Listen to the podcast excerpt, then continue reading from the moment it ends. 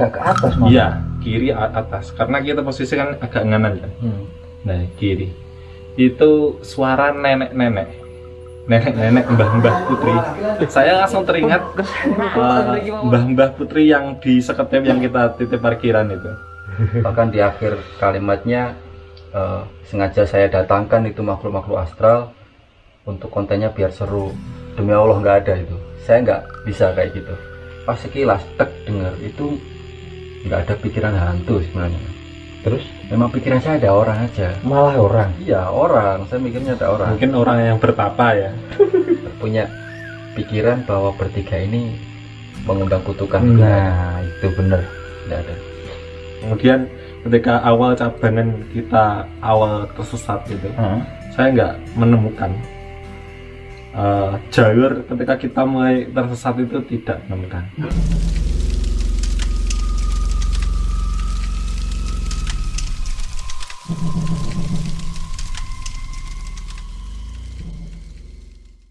Ya oke, Assalamualaikum warahmatullahi wabarakatuh. Bertemu lagi di channel Cito Adventure Madiun.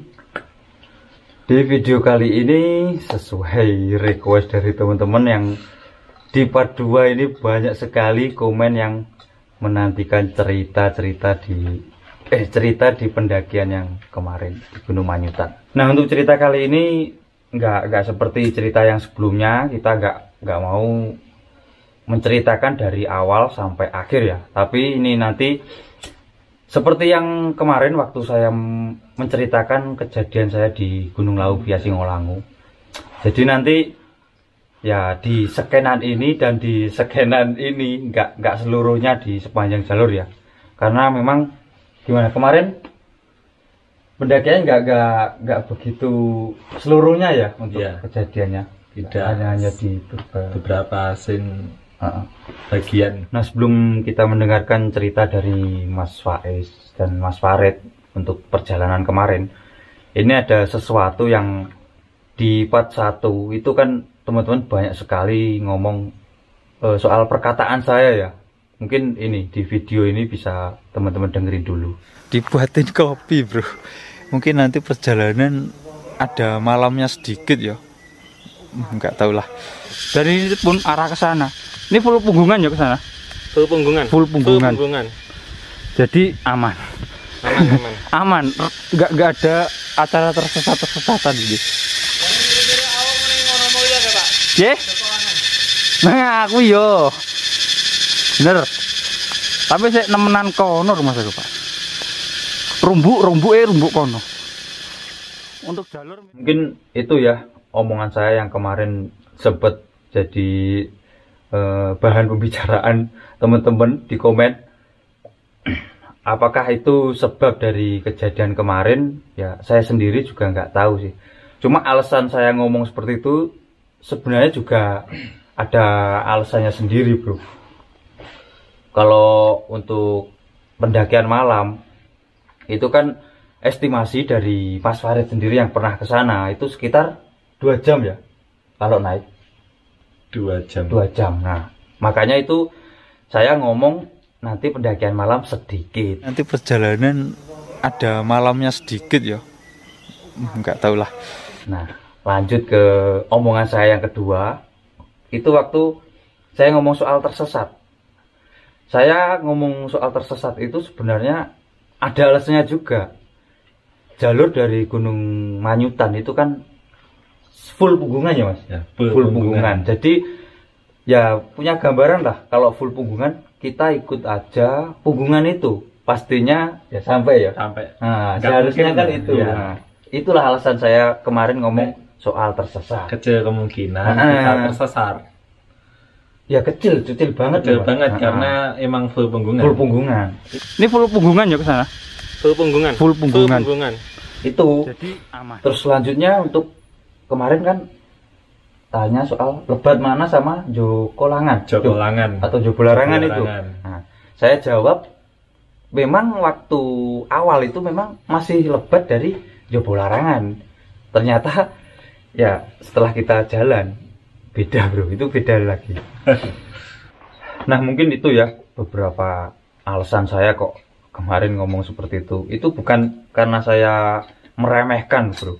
ya itulah alasan terutama waktu di, tersesat itu sebenarnya ya itu punggungan itulah bisa teman-teman pahami sendiri nah selanjutnya untuk kejadian awal yang kita sendiri mengalami itu tersesat itu itu waktu setelah maghrib ya. Setelah Hmm. adzan maghrib. Kemarin kan di video itu awal kita kebingungan itu memang setelah maghrib setelah azan maghrib ke beberapa kali azan maghrib. Emang azan maghrib pertama kita sempat istirahat. Nah setelah kita jalan ternyata eh, dari masjid yang lain mungkin ya terdengar azan maghrib lagi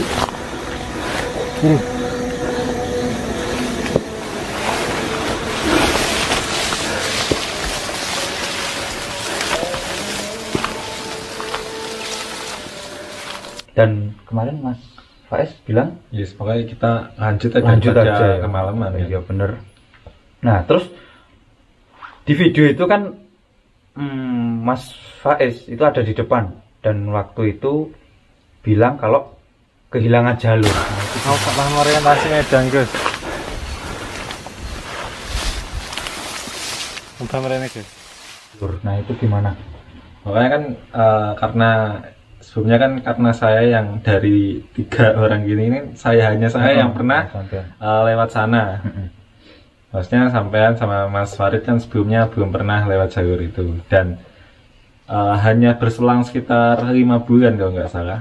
Saya sama Mas Fadil itu eh, lewat jalur itu dan vegetasinya masih saya ingat, masih saya ingat sampai sekitar setelah maghrib itu posisi sudah berada di atas kebun kopi tapi masih di bawahnya gunung kayu rubung. Dan itu eh, ketika saya di depan dan saya sudah kehilangan orientasi jalur akhirnya saya memanggil. Gus Warid Langsung Mas sebagai- Farid yang Iya, menggantikan posisi. untuk menggantikan posisi di depan. Karena saya yakin Gus Warid ini lebih tahu soal Medan. Siap. Eh, ternyata memang eh, ya itu kita akhirnya tersesat. Tapi untuk Mas Farid gimana dari awal itu? Udah ada keanehan apa belum? Sebenarnya kalau ngomong keanehan itu teman-teman kita ini nggak nggak ngerasa aneh. Pertama saya itu pikiran cuman gunung ini ketinggian sekian Yes. kan gitu. Mm-mm. terus kita ada view ranger. Iya. Jalan aja lah. Tapi ketika Mas Faiz itu bilang udah nggak nemu jalur Iya. udah hilang. Terus nyuruh saya di depan. Saya nggak ada pilihan lain kecuali saya cari jalur aman. Dalam arti waktu itu yang saya buat patokan itu tanaman kopi. Kan gitu kemarin. Mm-mm, iya kan logika saya kalau ada tanaman kopi berarti tempat ini masih sering dikunjungi. kunjung sama paling nggak petani kopi Petani, ya.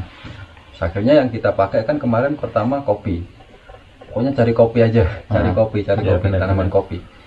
Nah mungkin di situlah letak awal kita tersesat kemarin. Hmm. jadi jalur yang asli itu justru Sebelah kiri kayaknya Ah, ya. sebelah kiri, kalau Kiri. kita dari bawah. Kemarin kan kita nganan sebelah kiri sebelah maksudnya kita justru keluar dari kebun kopi. Iya Ah, benar. kan? ah, iya benar. Tapi karena memang malam itu nggak ada pilihan lain Ah. saya cuma pengen cari jalur aman ya kopi aja diturut kopi gitu. Barangkali ketemu tapi malah kita nggak karu-karuan malah karuan, ke mana-mana bener. itu Nah mungkin ya mungkin itu di awal setelah azan maghrib kita udah kehilangan arah. Nah ini ada sesuatu. Mungkin teman-teman ada yang ada yang sadar atau nonton sampai sini. Ini. Kemarin di video itu saya tampilkan ini bisa ditonton sedikit ini. Nggih. Nah itu Mas Faiz bilang nggih Nggih. itu sebenarnya saya ngeh cuma karena saya ini bagian pemantau eh, yang lihat peta ya jadi saya nggak begitu menghirau lah ucapan Mas Farid soal nggih itu itu sebenarnya kenapa Mas itu juga sebenarnya aku nyari loh waktu di video itu Mas Faiz bilang nggih aku coba nginget-nginget itu ini apa aku manggil Mas Faiz? Perasaan aku nggak panggil Mas Faiz? Terus Mas Yunus juga enggak gitu itu kita kita obrolkan habis itu. Eh. itu bilang nggih itu kenapa? Nggak ada sih panggil gimana mas? Apa ada sih panggil Jadi gini, kan eh, ketika sampean Mas Farid ini saya suruh di depan, nah itu wes saya manut otomatis sama eh, tebasan-tebasan Mas Farid untuk mencari jalur. Karena memang murni kita itu benar-benar mencari jalur yang baru, bukan mengikuti jalur lama yang toh pun kalau jika ada jalur lama ya sudah tertutup oleh rimbunan-rimbunan eh, ilalang-ilalang dan daun-daun berduri ini. Ya kita kan juga berusaha mencari jalur yang aman juga karena banyak eh, duri-duri cawilan ya istilahnya Eh. Yang uh, sangat gatal dan sangat perih karena durinya banyak sekali. Nah itu posisi eh, posisi kalau nggak salah itu Mas Farid sudah melipir ke kanan itu mas. Iya, sudah posisi- berusaha mencari jalur ke kanan itu. Nah ketika ke kanan kemudian agak naik, yaitu saya benar-benar mendengar dengan jelas di telinga saya itu arah sebelah kiri, arah sebelah kiri saya, kiri tapi agak ke atas. Loh, agak ke atas mas. Iya, kiri atas. Karena kita posisi kan agak nganan kan. Hmm. Nah, kiri. Itu suara nenek-nenek. Nenek-nenek mbah-mbah putri. Saya langsung teringat eh, mbah-mbah putri yang di seketep yang kita titip parkiran itu. Karena Yang suara rumah itu. Ya. Itu suara game. Le gitu. Le. Seperti ada yang manggil. Cuma sekali, satu kali. satu kali. Tapi cukup jelas. Jelas. cukup jelas. Tapi kayak nggak nggak kenceng ya tapi jelas. Di tapi telinga sampai waktu itu memang sadar kalau ini suara makhluk gaib apa enggak? Saya sadar. Makanya saya tetap manggil eh, jawab. Nggih. Kok nggak ngomong kaman ya? Hmm. nggak Sa- ngomong. Berhenti ya mas. Ya nggak takut gitu. Eh, tapi kan saya berusaha diem ketika beberapa detik kok dia saya diem tapi emang posisinya katanya kan nggak boleh langsung anu kan apa ya dibiarkan ya. cerita saya kan baru cerita ketika sudah di puncak manjutan hmm. Eh, belum ding. Ketika mau lolos dari kayu rubung, saya cerita kan. Nah itu, ya karena saking mungkin saya nderdeg juga ya. Eh, setelah itu, ketika kita sudah ketemu jalur, kita kita sudah ketemu jalur yang lama, itu pasti di kayu rubung. Itu ada di scan vi- scene scene video itu, di bagian video coba anu Pak Yunus cari itu ada. Saya berusaha sering kali megangi leher itu waktu ketika jalan masih di kayu rubung itu karena megangi leher itu Udah ketemu jalur sudah ke- ketemu jalur tapi justru saya merinding Nah mungkin itu kejadian Mas Faiz waktu di video bilang gay itu loh ya. itu saya sendiri memang nggak begitu menghiraukan sih karena fokus HP lihat peta. Selanjutnya memang setelah itu kita benar-benar seperti nerobos duri-duri itu bro. Efeknya bisa teman-teman lihat di foto-foto itu.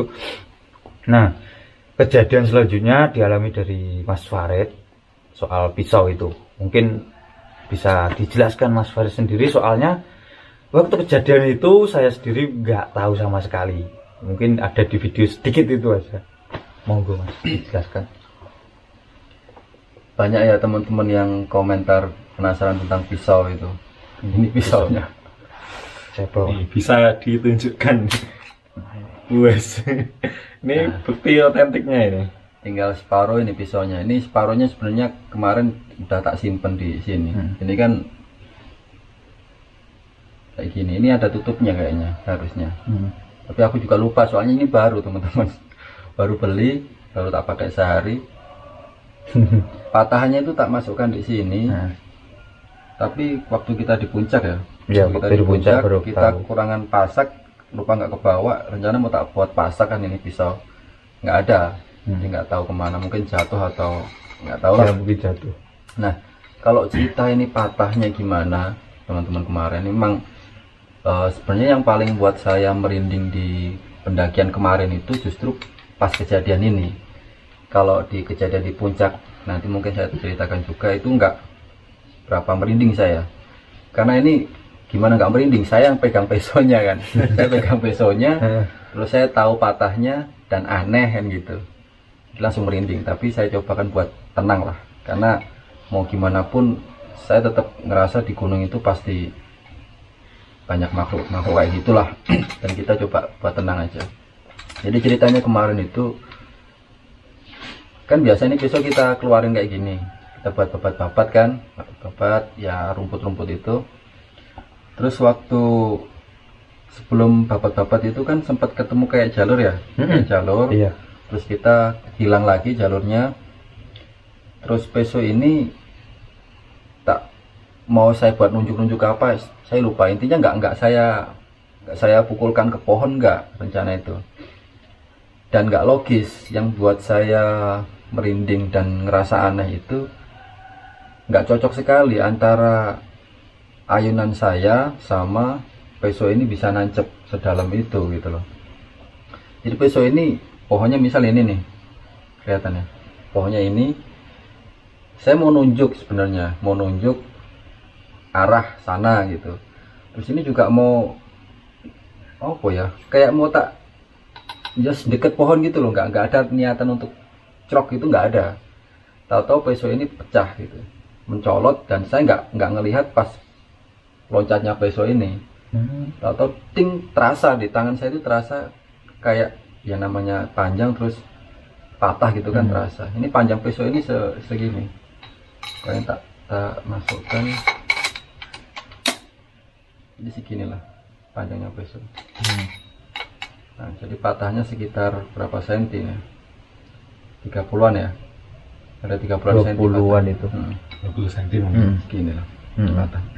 Nah ini mencolot teman-teman. Jadi pesonya ini mencolot dan nancep di pohon di depan saya. Dan yang nancep bukan ujungnya tapi justru bagian sininya ini. Hmm. jadi nancapnya dan posisi nancapnya itu miring dan jauh dari posisi saya jadi misal saya di sini harusnya peso ini nancapnya ke sini enggak sebelah sininya nancapnya jadi posisi saya itu bingung kalau kalau memang ini seharusnya di posisi Ah. saya karena Ah. saya pas di belakang, Pas di belakang. Mas Farid Hmm. dan saya tahu Mas Farid itu ketika ya sebenarnya enggak enggak berusaha bacok itu enggak kalaupun bacok secara kuat patah itu baru logis Hmm. Dan saya tahu karena saya pas di belakang Mas Farid dan saya tahu waktu patah itu. Karena pas itu emang saya bawa center juga kan. Hmm. jadi saya tahu. Itu hanya ayunan biasa. Ayunan biasa maksudnya enggak. Nggak ada rencana babat lah enggak ya. babat. Nah, iya. Hmm, Memang maksudnya. kemarin kan udah udah enggak ngan- posisinya kan nggak lebat itu ya. bukan di bagian lebat. Nah, Wong Udah itu terbuka. batang pohon. Nah itu saya juga kaget. Untungnya tuh enggak enggak mencelat ke saya gitu potongannya itu. Kok langsung mancep di situ. Itu juga kita sempat heran juga gitu. Hmm. intinya itulah yang buat saya paling paling merinding ya di situ. Karena saya ngerasain bener-bener terasa lah kayak ada apa lah. Kan biasa kita. Kalau lewat di jalur angker gitu kan merinding nggak tahu nggak ada apa. Itu bener-bener merinding jadi. Saya merinding ya merinding antara bingung sama ini tahu-tahu kok mencolot setengah sama merinding. Nggak tahu-tahu tahu-tahu merinding aja. Sebenarnya ya gitulah. Itu nggak tanpa ada tanpa ada apa ya kesengajaan atau Hmm. apa itu nggak ada. Dan memang nggak mungkin juga dan nggak bisa juga. Jadi kalau di komentar itu teman-teman ada yang komentar kemarin saya baca oh ini apa kemarin ya? Yang Mas Farid itu punya Intinya daya punya magis daya magis. daya anu mengundang lah mengundang Ya, aura-aura. Kemarin ada komentar teman-teman itulah intinya saya baca sekilas itu. Eh, katanya saya ada energi yang mengundang makhluk-makhluk. makhluk astral terus saya mampu mendatangkan makhluk astral. Bahkan di akhir kalimatnya eh, sengaja saya datangkan itu makhluk-makhluk astral untuk kontennya biar seru. Demi Allah nggak ada itu. Saya nggak bisa kayak gitu kalau ketemu setan atau apalah ketemu jin itu memang pernah sekali dua kali tapi itu sama sekali nggak ada. Nah, saya ini penakut teman-teman. Saya bukan penakut maksud saya ini juga berharap nggak ketemu yang kayak gitu-gitu Yes, gitu. bener. tapi tetap saya menyadari mengimani bahwa ada makhluk kayak gitu. Apalagi terus sampai saya mampu mengundang nggak bisa saya. Itu salah ya. Itu salah. Jadi intinya kejadian kemarin memang nggak ada settingan sama sekali. Nggak ada Demi Allah settingan. nggak ada settingan sama nggak sekali. ada drama atau nggak ada apa ya sengaja kesengajaan untuk tersesat. Apalagi wong itu bener-bener gunung yang emang hampir gak ada orang yang ke sana istilahnya. Dan itu memang eh, apa ya ya nggak ada settingan lah. Intinya nggak ada settingan dan memang kayak saya anggap dari berangkat itu wah gunung manyutan gitu nggak tinggi gitu aja nggak Iya. tinggi dan udah ini kita Oh, nggak ada kekhawatiran sebelumnya ya ada, nggak nggak ada kekhawatiran "Wah, gimana ya nanti takutnya tersesat takutnya Nggak ada, ada sama sekali. gangguan itu nggak ada bayangan saya malah ah cuman tipis-tipis saja kan Iya. Kan gitu wong itu saya baru pulang dari dari Jontani nih. Jadi saya itu minggu ke Jontani sampai rumah lagi itu Senin malam, terus Selasa berangkat ke Manyutan itu. Jadi nggak ada istirahat. Dan saya pikir, saya pikir karena ah tipis-tipis ke Manyutan gitu aja. Jadi nggak ada lah apa nggak ada. Tapi tetap persiapan kita matang sih ya. Nah, matang. Persiapan kita matang, logistik, perlengkapan matang.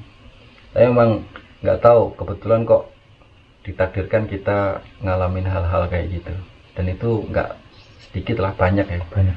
banyak sekali kayak di jalan kemarin saya sempat hentikan teman-teman oh, iya. Iya, setelah itu ya. Ah, saya- Sebelumnya itu Gus, eh, ketika kita mau mencari jalan ke anu, mau menuju ke punggungan yang kecil, yang turun setelah kayu rubung, kan kita sempat juga bingung. Oh iya, bolak-balik itu. Ya, Hmm. di scene video kan yang Oh, di iya. part satu kan juga kita bolak-balik, Bolak-balik. kita bolak-balik, bahkan kita sempat konflik Konflik. kita sempat konflik ini harusnya ke sini atau ke sini kita harus ke sini atau ke sini akhirnya eh, Gus Farid punya keputusan udah manut jangan protes ikuti saya aja. Akhirnya kita wis manut sama Gus Farid. Itu bukan karena saya juga mampu dan gimana ndak. Jadi saya ngomong sama teman-teman udah gini aja nggak ada nggak usah nggak usah ada yang komplain diem dan ikuti saya. Itu bukan karena apa-apa karena waktu itu sebenarnya gini mas. Saya itu ngerasa udah aneh sebenarnya waktu itu waktu itu saya sudah ngerasa aneh ini kayak kita kok kayak orang bodoh. Iya. ya kan? Ya ini jalan kenapa? Kok kita bolak balik di sini udah empat kali Empat kan? kali. Dan kok mau kita naik turun naik turun ya iya. kok. Kok kita empat kali? Terus kita udah sampai punggungan atas terus blank. Hmm, Balik lagi, balik balik lagi. balik. Terus kita balik lagi. Udah tahu tadi udah ngomong blank kenapa kita ke situ lagi? Kan gitu Eh, terus. iya bener. Nah itu Ya, aku udah ngerasa aneh sebenarnya. Nah karena itu ngerasa aneh saya mikirnya eh, biasanya kan kayak gitu ganggunya ke emosional. Hmm. makanya biar saya menghapus emosional itu saya ngomong kemarin. Jadi udah gini aja. Diem semua nggak usah ada yang komplain. Ikut saya. Pokoknya saya yang di depan ikut. Gitu aja. Itu sebenarnya buat ngapus saya nggak ada terus saya nge- mengeluarkan aji-aji haus nggak ada itu. Pokoknya modal saya cuma Bismillah sholawat udah. Udah Bismillah sholawat aja udah jalan. Kayak gitu. Jadi karena itu emosional ngerasa saya udah sadar kalau sadar ngerasa bahwa ini udah mulai ganggu emosional. Jadi Tapi belum sempet ya kemarin sampai. Untung ini Heeh. inisiatif sengaja istirahat kemarin agak tenang. ya kan istirahat kita rokokan dulu biar tenang lah Iya. mungkin biar wah kita ini bingung tapi memang kalau Mas Yunus sama Mas Farid itu ngerasa nggak kalau di kayu rubung itu memang suasananya berbeda dan ketika kita lepas dari kayu rubung seakan-akan kita itu kayak sudah terlepas dari Iya, ancaman itu benar Lega, lega. lega gitu. Jadi ngerasa di kayu rebung itu kita kayak apa ya Kalau ngerasa saya itu ya jalur itu cuma maju mundur maju mundur gitu aja. Ke sana seperti nggak yakin, ke sini nggak yakin. Ujung-ujungnya ya itu pokok kita kembali kembali itu mungkin di di peta itu ada itu yang garis merah yang kelihatan tebal itu itu kita bolak balik itu sebelum Mas Farid memutuskan untuk disuruh kita nurut aja. Akhirnya ya udah ketemu. Itu mungkin salah satu pelajaran juga buat teman-teman. Mungkin kalau di di gunung atau di alam bebas terus menemukan kondisi tersesat atau seperti apa terus di antara rombongan teman-teman itu kok mulai mulai saling punya pendapat masing-masing lain, ya. itu berarti udah mulai nggak ada yang nggak beres. Nah alangkah baiknya duduk aja dulu rokok-rokok dulu. Iya bener. Tenangkan pikiran. Ya. ya santai aja dulu. Jadi cari jalur is dengan logika yang benar. Mungkin itulah pentingnya setiap trip ada leader di situ ya. Jadi pentingnya di situ mungkin. Manut gitu mungkin. Kalau ada manut gitu wis otomatis kan nggak ada emosi di situ. Nggak ada. Itu kemarin itu takut yang sampean eh, konsisten tetap pengen yang arah yang benar itu akhirnya. Itu karena saya keinget saya itu itu jurang. Makanya saya itu takut sampean itu masuk jurang itu, itu. iya iya. Saya bilang apa nanti ke anak, ke anak istri apa. Di Tapi- video ada itu. Kemarin saya lanjut itu karena patokan View Ranger itu benernya. Hmm. tapi sempet nggak yakin loh kemarin sampai? Iya tuh. Blank itu ya? Heeh, yang waktu blank terus minta tolong saya nunjukin ke sini ternyata salah. Terus akhirnya saya terprosok itu. Oh iya. Ya itulah nggak tahu wis pokoknya. Kan ada ya. Kenapa kok di itu yakin pengen gitu? maju Heeh, nggak jadi. Heeh. Eh, maju nggak jadi. View Ranger nyuruh nyuruhnya jalan Heeh. tapi kok blank kan Hmm. gitu kan pikirannya. Dan ternyata kita maju terus nggak blank. Nggak nggak blank. itu awal kita bingung itu saya ingat saya itu posisi kayu rubung eh, berkabut. Oh iya sih berkabut kemarin. Kita berkabut Tuh, itu benar-benar bingung. Mm-mm. yang saya ingat itu ketika kita bingung itu kayu rubung posisi berkabut. Kabut full dan kabut. kita akhirnya memutuskan untuk eh, rokokan sejenak. Mm-mm. sampai perlahan apa namanya? Terlihat. Terlihat. Hmm. apa nggak ada kabut. Dan kita mulai jalan lagi. Alhamdulillah ketemu jalur Nah mungkin itu kejadian selanjutnya yang ada di kayu rubung kita muter-muter. Nah, akhirnya kan kita menemukan jalur yang menuju ke Gunung Manyutanya. Itu benar-benar kita semua udah lega. Tapi di perjalanan sebelum kita sampai puncak, ini juga ada sesuatu yang dialami dari Mas Farid. Mungkin bisa didengarkan soalnya kemarin saya udah kalau nggak salah setelah saya ngomong terima kasih batu itu itu benar-benar saya nggak rekam dan ada kejadian yang ini Mas Faiz jatuh itu udah nggak kerekam soalnya jalurnya benar-benar fokus bro. Mungkin kejadiannya bisa dijelaskan? Eh, mungkin sebenarnya gini teman-teman ya yang kita ceritakan ini kejadian-kejadian aneh yang kiranya pantas untuk diceritakan. Heeh. Banyak hal aneh yang nggak nggak pantas diceritakan. Kayak misal kayak ngelihat sosok ya atau apa itu sebenarnya iya nggak perlu. nggak perlu. Soalnya gini kadang-kadang teman-teman perlu diperhatikan. Kalau melihat sosok itu kadang-kadang iya memang iya kadang-kadang enggak Mm. kadang-kadang orang takut itu tahu-tahu banyak sosok yang kelihatan. Jadi sosok itu bentuk visualisasi dari pikirannya Pikiran, sendiri. bener. kan. logikanya kalau misal taruhlah ngomong salah satu identitas hantu Mm-mm. pocong misal. Ya. pocong. Nggak ada orang orang Amerika itu diteni pocong kan nggak ada. karena nggak pernah terbesit di pikirannya Iya, pocong. Nah kalau hal yang pantas diceritakan kemarin salah satunya waktu ingat mas waktu saya suruh saya ngomong berhenti dulu berhenti dulu. ya Nah, ya benar benar. Benar saya sempat menghentikan teman-teman waktu itu, Itu saya loh, paling depan. Paling depan. Paling konyol itu ya waktu itu saya nggak nggak pas sekilas tek dengar itu nggak ada pikiran hantu sebenarnya. Terus? Memang pikiran saya ada orang aja. Malah orang? Iya orang. Saya mikirnya ada orang. Mungkin orang yang bertapa ya. Bertapa. Pikiran saya gitu. Karena kita nggak mungkirin kalau Gunung Wulis itu banyak orang yang bertapa kan? benar. banyak banyak orang bertapa.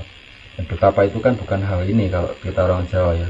Salah orang-orang apa ya nyari jati diri atau ritual atau apa nggak tahu. Pikiran saya gitu soalnya itu memang benar-benar suara orang berdoa. Jadi suaranya gini kalau saya mau nirukan bisa mungkin eh, kayak oh oh kayak gitu kan. Waktu itu tepat di depan saya. Kan gitu ada pohon ya. Nah pikiran saya di balik pohon itu ada ada orang Hmm. itu saya ngomong sama teman-teman mas mas berhenti dulu berhenti. Ada orang ada orang saya bilang gitu kita lagi bingung enggak Mas Farid malah gitu ya. iya saya, saya nggak ada takut itu waktu waktu itu nggak ada takut soalnya karena memang saya mikirnya ada orang itu aja berarti ada orang ada orang berdoa ada orang Iya. berdoa saya masih takut Mas. Saya ini langsung mikir. Langsung kaget, Itu ya. pasti bukan orang. Karena saya lihat mau jalurnya yang pertama kali saya ke sana itu aja nggak mungkin orang ke sini kok. Emang gitu. Pokoknya aku nggak ada pikiran takut dan Eh. nggak ada nggak ada pikiran setan. Aku mikir orang betapa atau orang lah pokoknya. Nah, saya- apalagi saya mikir waktu waktu sampai situ pun saya itu masih mikir ini nggak jauh dari pemukiman. Saya ngomong gitu. Maksud enggak pikiran saya gitu. Itu ingat nggak waktu kita di rumahnya mbah mbah itu? Hmm. itu kan beliau ngomong biasa sampai sana sana orang biasa. Oh iya. Iya kan? Saya mikir juga orang situ biasa naik naik apa biasa saya mikir gitu karena perlu diketahui Gunung Manyutan ini nggak nggak tinggi memang nggak tinggi Nggak ya tinggi, nggak ha. tinggi gitu jadi 1560. 560. nggak tinggi. makanya saya waktu itu saya dengar ada orang di depan jelas banget itu suaranya kayak orang berdoa atau orang ngomong lah oh gitu suaranya saya ngomong sampai teman-teman ini mas berarti dulu ada orang ada orang Hah? dia tanya ada ada orang bahkan saya sempat ucapkan salam berapa kali dong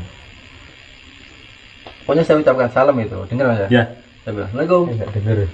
kenceng loh saya Assalamualaikum. ngomong kenceng saya ngomong. Assalamualaikum. Assalamualaikum. Nggak ada jawaban. Itu kan kita berhenti tadi Iya, benar. kita berhenti. Kita suruh berhenti ada orang. Assalamualaikum. Assalamualaikum. Saya bilang salam salam nggak ada jawaban. Ah ya udahlah jalan lagi. Hmm. Terus gitu aja jadi suara itu.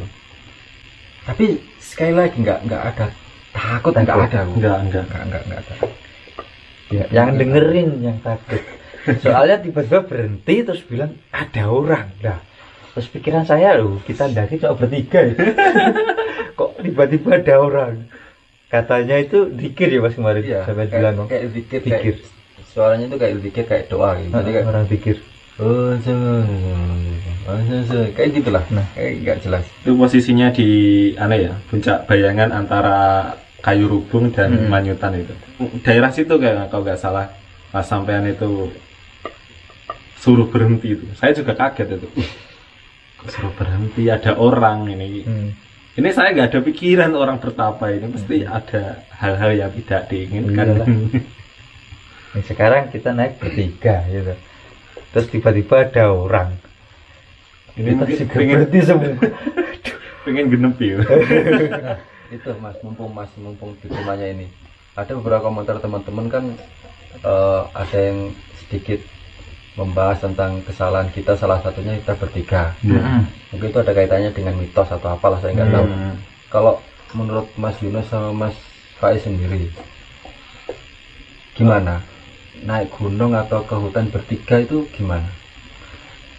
Menurut Kalau menurut saya itu nggak masalah, nggak ada di situ ya? nggak ada kaitan. kalau Mas Yunus gimana? Kalau saya itu tergantung eh, pihak yang pengelolanya. Memang eh, pantangan lah, pantangan warga setempat itu.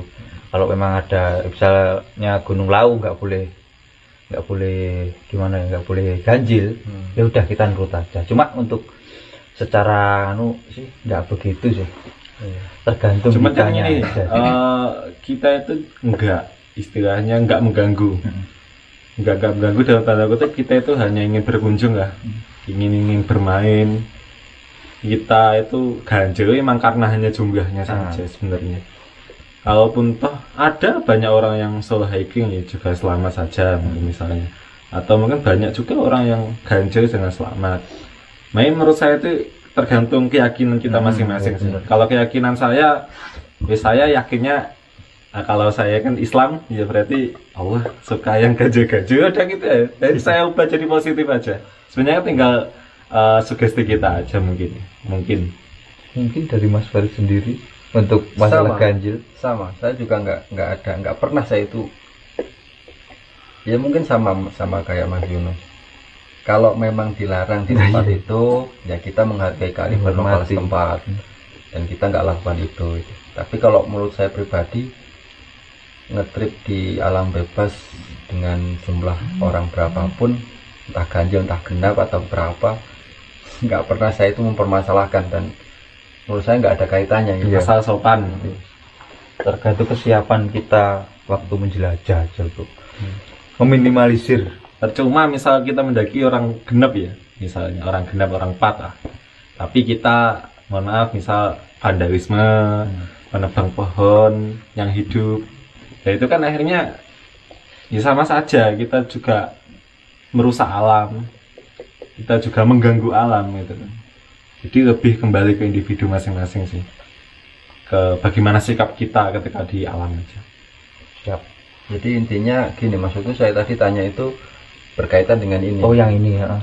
Gimana? Kan biasanya itu eh, hal-hal mitos kayak gitu itu berangkatnya keapesan itu biasanya dari dirinya sendiri kan gitu. oh ya Kayak orang Jawa itu kan punya punya kepercayaan Jawa ya, kayak menikah gitu. hmm. Menikah itu harus weton lah apalah. Nah.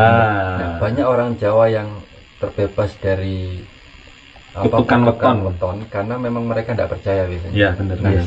bener misalnya ada yang ketemu Jadi tapi gini teman-teman, dari kemarin kita pendakian di Manyutan itu kita bertiga, meskipun kita bertiga tapi dari kami bertiga ini tidak ada yang punya pantangan untuk jalan bertiga sebenarnya. Hmm. Dan itu pun tidak pernah ter- mengganggu di pikiran kita selama berjalan. Jadi kayak berjalan kita berjalan tersesat terus kita teringat di kepala kita apa bertiga tidak ada. ada. Nggak ada jujur nggak ada kita nggak ada pikiran menyalahkan jumlah kita ya. Karena emang dari kita bertiga ini nggak ada yang punya pikiran bahwa bertiga ini mengundang kutukan itu ada. Nah itu bener. Nggak ada. Malah justru waktu eh, waktu kita tersesat itu kita yakin karena kita memang punya peta bro. Dan kita paham lah dikit-dikit. Jadi itu yang membuat kita juga yakin lah bakal sampai puncak. Meskipun ada ini Mas Faiz sempat ragu juga sih kemarin ngejak ngecamp ya kalau nggak salah di kayu rubung, Kayu Rubung. ya, Sampai ya cuma itu aja yang membuat eh, sedikit ragu. Cuma tetap yakin karena ada peta. Nah mungkin eh, itu juga ya. Eh, kalau kita mendaki sebaiknya bener yang dikatakan Mas Farid waktu di cerita kemarin kalau bisa bawa kompas. Ya. bener. Dan bisa nah menggunakannya bisa menggunakannya. Bawah tapi belajar bisa. dikit-dikit lah. Kompas peta. Nah. Nah meskipun digital tapi cukup membantu loh kemarin. Membantu. Lebih membantu digital daripada anu yang manual. Yang manual kan mungkin hanya orang yang ahli navigasi Iya, darat ya, bener. mungkin ya. Perlu belajar lagi itu. Terus kemudian kita juga belajar orientasi medan. Nah itu mungkin cerita dari Mas Farid soal orang berzikir itu. Selanjutnya perjalanan sampai di puncak ya. Perjalanan sampai di puncak ini sedikit ada gangguan soal parit yang sangat dalam juga mengitari. Kita sempat seperti nggak bisa lewat waktu itu. Tapi karena itu bawa peta, jadi kita yakin arahnya ke sana gitu. Nah, sampai di puncak itu sekitar kurang lebih lima jam setengah ya lima jam lima setengah. jam setengah yang seharusnya itu dua jam di lima jam kita dua jam setengah itu kita habiskan hanya di kayu rubung kalau nggak saya ya Bang? Iya paling lama lama di- paling lama. Paling lama kita di Hmm. kayu rubung itu dua jam setengah. Terus sampai jatuh itu kan juga oh iya istirahat cukup lama. Istirahat terus jatuh. Jadi Mas Fas ini sempat jatuh Hmm. merosot. Iya, hampir untuk ketulung apa semak-semak. Karena pas sama jatuh itu aku langsung fokusku di belakangnya sampean. Oh, iya. apa? Gitu. karena saya mau narik tak lihat dulu. Oh, saya narik ikutan jatuh. Karena berulang kali kan sama minta tolong ketika jatuh di parit. Ya. Mas tarik ternyata pas aku narik aku hampir. Karena badan saya segini dan mas Faiz Nah, waktu dia jatuh juga aku langsung fokusnya itu ke belakangnya Mas Faiz oh tertahan santai aja. Tungguin aja serok gitu. Oh tertahan. Karena kan saya kan naiki ada kayu roboh gitu kan. Kayu roboh Gapuk ya ya. Ah, kayu roboh yang sudah gapuk ya sudah rapuh. Itu saya pikir itu ya kuat saja. nih. Mau Mas Pak Yunus lewati itu. Lumayan tinggi loh ya badan saya kecil. ya. oh itu jat serok terus Nah. sampai oh. Itu saya mau ketawa tapi saya udah capek. Tapi ternyata saya perhitungan saya salah ini. Saya terlalu lama nginjek kayu itu Heeh. kayu roboh itu. Keratak saya langsung jatuh. Terus saya nggak bisa berkutik saya. Intinya gitulah sempat jatuh sempat jatuh mas Faiz Ya itu itu cerita lucunya sebelum sampai di puncak. Nah, ini kejadian selanjutnya yang ada di puncak. Mungkin saya dan Mas Farid yang mengalaminya. Itu waktu di puncak. Ini saya dari saya ya, soalnya yang lebih lama mengalami itu Mas Farid, soalnya saya sudah tidur. Waktu sampai di puncak kita masa-masa ya seperti itu di video. Kita makan, setelah itu kita ngobrol sambil ngopi itu saya mendengar seperti gimana ya ada orang yang berkerumun bro. itu laki-laki kalau nggak salah. Itu di sebelah kiri tenda kita. Arahnya kalau nggak salah di peta itu masuk ke tapak bimo lah anggap aja kan arah ke mantenan? Mantenan di gunung mantenan itu ya. Tapi kemarin pikiran saya ke tapak bimo bro. Nah itu ya itu saya mendengar seperti ada orang yang di situ sebelah situ cuma yang nggak begitu jelas sih. Nah mungkin setelah itu ini yang mengalaminya Mas Farid yang lebih lama. Soalnya kita udah tidur. Saya sama Mas Farid udah tidur dan Mas Farid yang menikmati sih tanya, pas kita sampai puncak itu sama ngerasa gak enak gitu nggak pas baru sampai puncak? Enggak sih Mas. Saya malah lebih lega sih. Lega. Heeh, sama lega. saya ya biasa aja ya. Berarti mas saya kenapa? Mungkin karena memang saya pernah enggak aku ngerasa nggak enak gitu loh. Kok sirum ngerti bahasa sirum nggak Oh, Si- sirum lah. Kayak suasananya kayak sirum gitu eh, kan sering aku pas kita masih ngopi baru dirikan tenda. Mm-mm. ngopi aku ngomong kayak ada apa tuh ini? Hmm. teman inget nggak ya ya memang saya ngerasa ada Dan kayak ada orang lewat-lewat. Sampean kan bilang berapa kali kan Hmm, ketika iya. kita habis masak nasi dan makan mie Mm. Siwer siwer sampean bilang ada yang siwer Oh, siwer iya. apa? Nggak ada. saya jawab ke Iwan dulu biasanya saya memang ngerasa nggak enak. Mungkin karena saya ya dasarnya saya ini penakut. Dan makanya terus saya itu coba tidur lebih awal.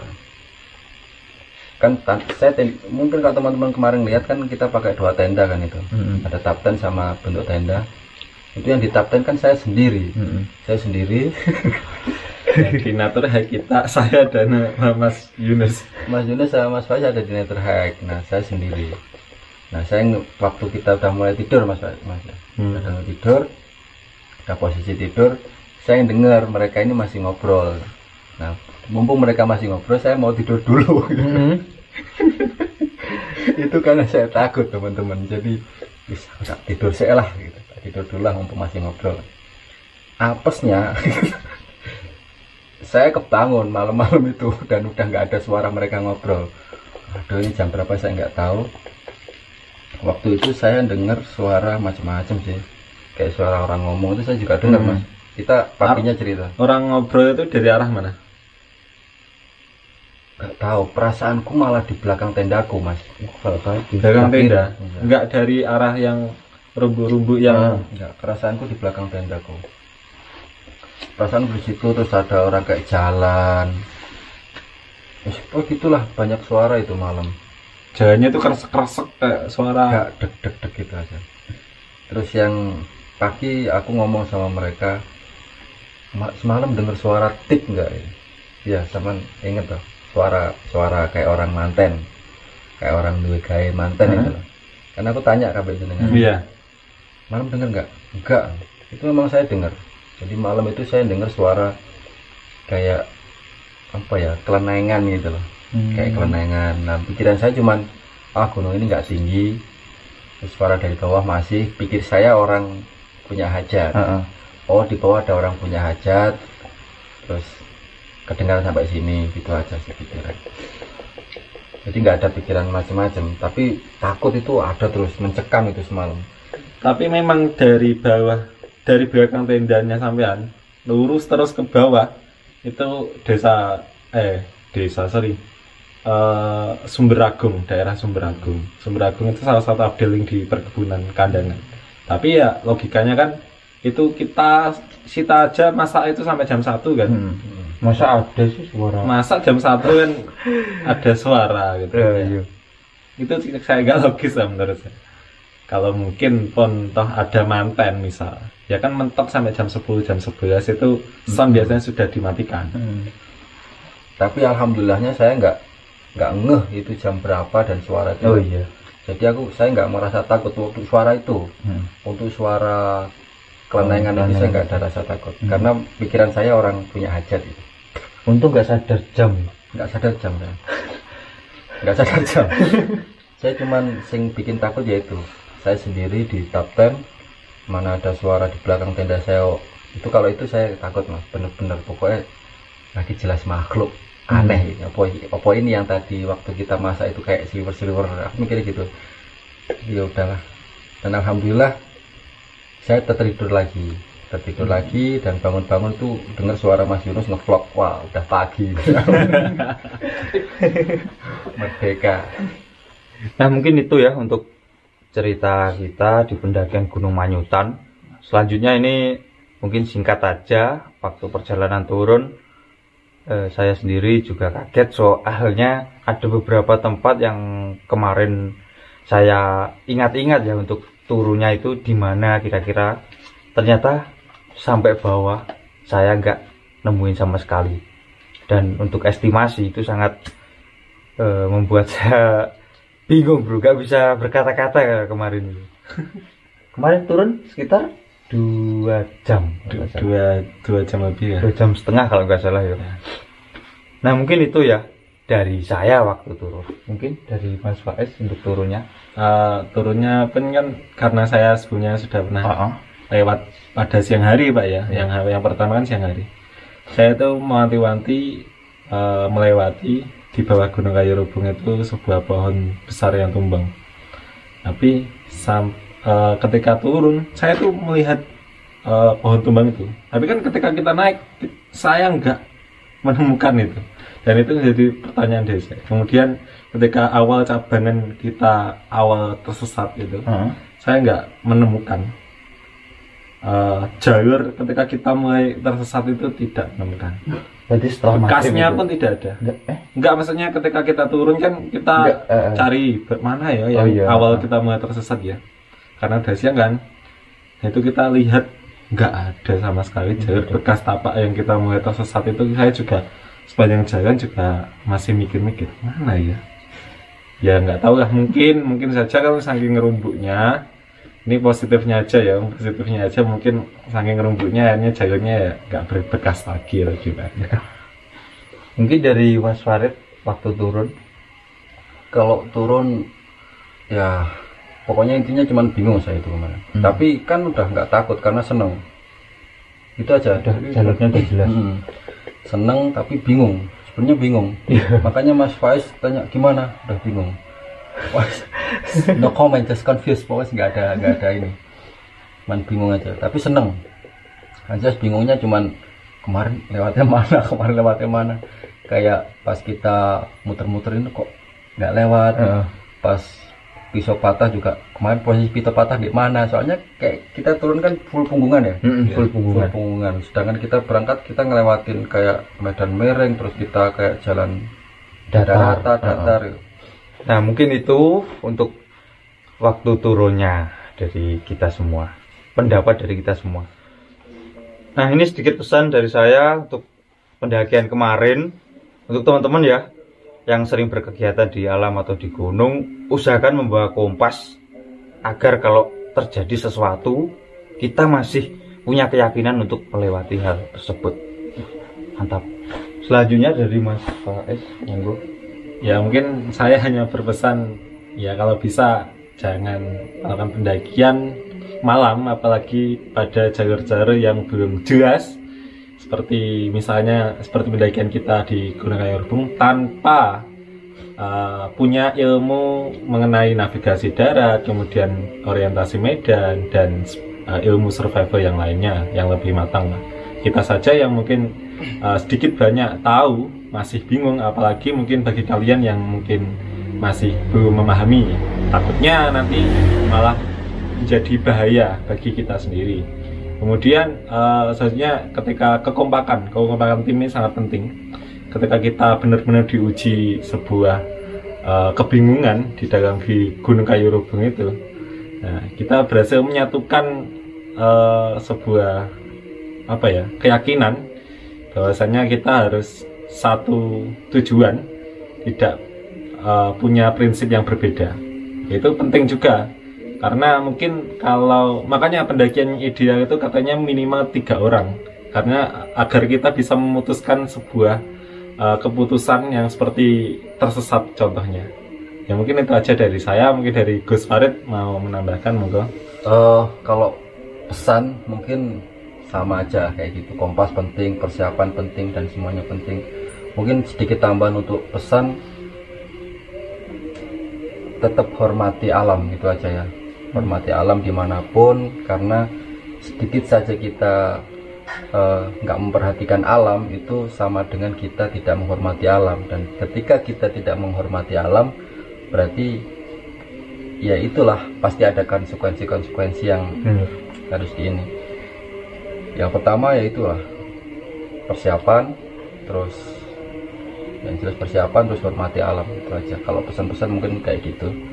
Kalau kesannya mungkin dari cerita kita kemarin ya ada bersyukurnya lah ya kita.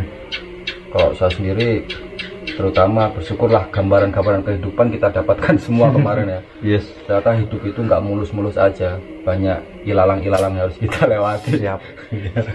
Kayak Mantap pokoknya. dan luar biasa lah intinya kayak gitu dan jangan sekali-kali kalau kita ke alam cari hal mistis kalau memang bukan bukan aspeknya kayak kayak apa paranormal itu memang perlu cari Tujuannya mistis. karena kita kemarin sama sekali nggak cari hal mistis. Memang kebetulan ketemu hal mistis gitu aja dan nggak ada cari-cari hal mistis tuh nggak ada. Intinya jangan-jangan cari hal mistis lah. Mistis tuh nggak usah kita cari. Sebenarnya pasti ada lah dunia gaib itu kita ber, berdampingan dengan dunia lain kan Allah menciptakan alam nyata alam gaib kan kayak gitu ya gitu aja sih nggak ada nggak ada ininya ya ini kenang-kenangannya ya Iya. Ini. eh, yang berminat mungkin gak teman-teman pecinta hal mistis ini bekas mistis boleh minat nanti deh komentar aja nanti Iya, saya kirim kirim siap. alamat aja Mantap, mantap, mantap. ambil aja ambil Nah, udah cukup. Nah, mungkin sekian dulu untuk cerita pengalaman kita di pendakian Gunung Manyutan via Dusun Sekedep. Kalau masih ada yang pengen ditanyakan bisa langsung aja komen di kolom komentar. Siap. Yang belum subscribe silahkan di subscribe Mas Bro. Sekian, Assalamualaikum warahmatullahi wabarakatuh. Salam lestari. Gas. gas